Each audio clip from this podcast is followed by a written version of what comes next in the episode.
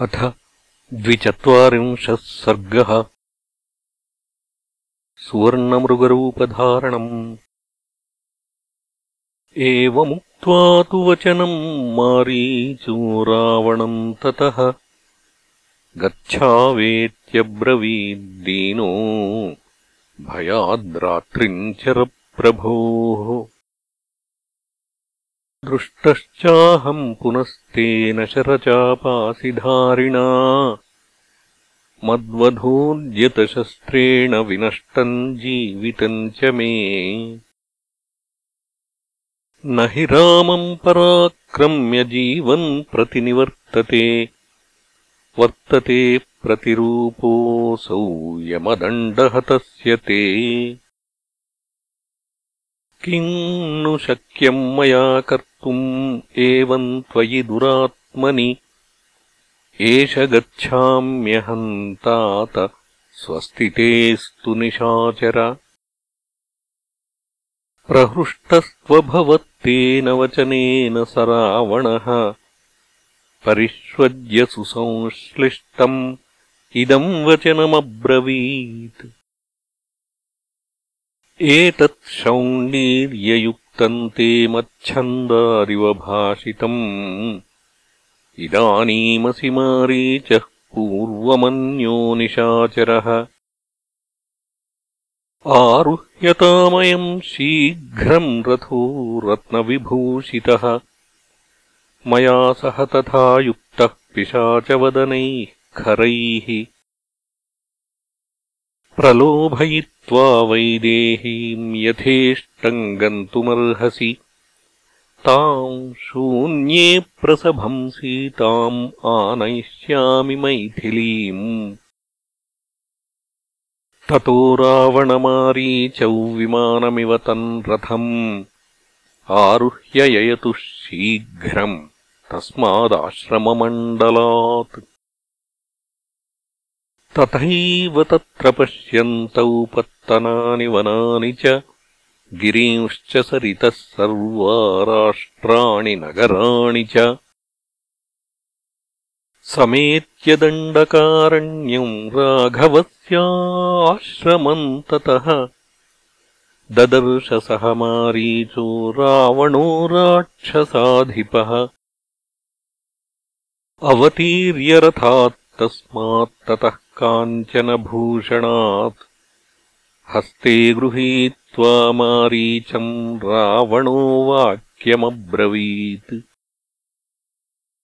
एतद्रामाश्रमपदम् दृश्यते कदलीवृतम् क्रियताम् तत्सखे शीघ्रम् यदर्थम् वयमागताः स रावणवचः श्रुत्वा मारीचो राक्षसस्तदा मृगो भूत्वाश्रमद्वारिरामस्य विचचारः। स तु रूपम् समास्थाय महदद्भुतदर्शनम् मणिप्रवरशृङ्गाग्रसितासितमुखाकृतिः रक्तपद्मोत्पलमुख इन्द्रनीलोत्पलश्रवाः किञ्चिदभ्युन्नतग्रीव इन्द्रनीलदलाधरः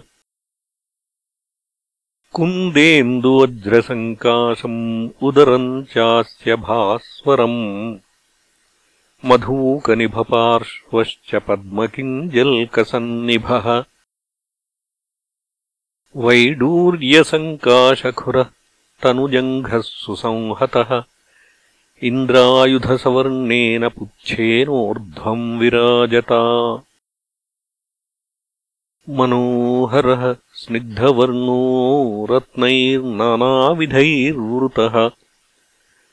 क्षणेन राक्षसो जातो मृगः परमशोभनः। वनम् प्रज्वलयन् रम्यम्। रामाश्रमपदम् च तत् मनोहरम् दर्शनीयम् रूपम् कृत्वा स राक्षसः। प्रलोभनार्थम् वैदेह्या नानाधातु विचित्रितम्। विचरन् गच्छते तस्मात् शाद्वलानि समन्ततः। रूप्यैर्बिन्दुशतैश्चित्रो भूत्वा स प्रियदर्शनः विटपीनाम् किसलयान् भङ्क्त्वादन्विचचारः कदलीगृहकम् गत्वा कर्णिकारान् इतस्ततः समाश्रयन्मन्दगतिः सीतासन्दर्शनम् तथा। राजीवचित्रपृष्ठः स विरराजमहामृगः रामाश्रमपदाभ्यासे विचचार यथा सुखम् पुनर्गत्वा निवृत्तश्च विचचारमृगोत्तमः। गत्वा मुहूर्तम् त्वरया पुनः प्रतिनिवर्तते। विक्रीडंश्च क्वचिद्भूमौ पुनरेव निषीदति। आश्रमद्वारमागम्य मृगयूथानि गच्छति।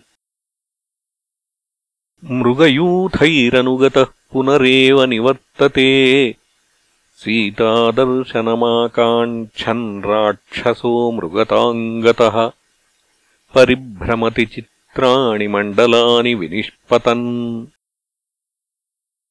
समुद्वीक्ष्य च तम् सर्वे मृगाः ह्यन्ये वनेचराः उपागम्य समाघ्राय विद्रवन्ति दिशो दश राक्षसः सोऽपि तान् वन्यान् मृगान् मृगवधेरतः प्रच्छादनार्थम् भावस्य न भक्षयति संस्पृशन्। तस्मिन्नेव ततः काले वैदेही शुभलोचना। कुसुमापचयव्यग्रापादपानभ्यवर्तत कर्णिकारान् अशोकांश्च चूतांश्च मदिरेक्षणा। कुसुमान्यपचिन्वन्ती चचाररुचिरानना। अनर्हारण्यवासस्य सातम् रत्नमयम् मृगम्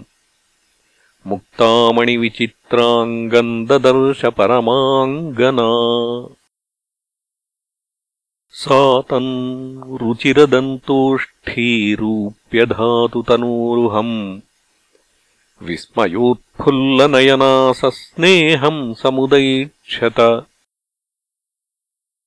स च तान् रामदयिताम् पश्यन्मायामयो मृगः विचचार पुनश्चित्रम् दीपयन्निव तद्वनम्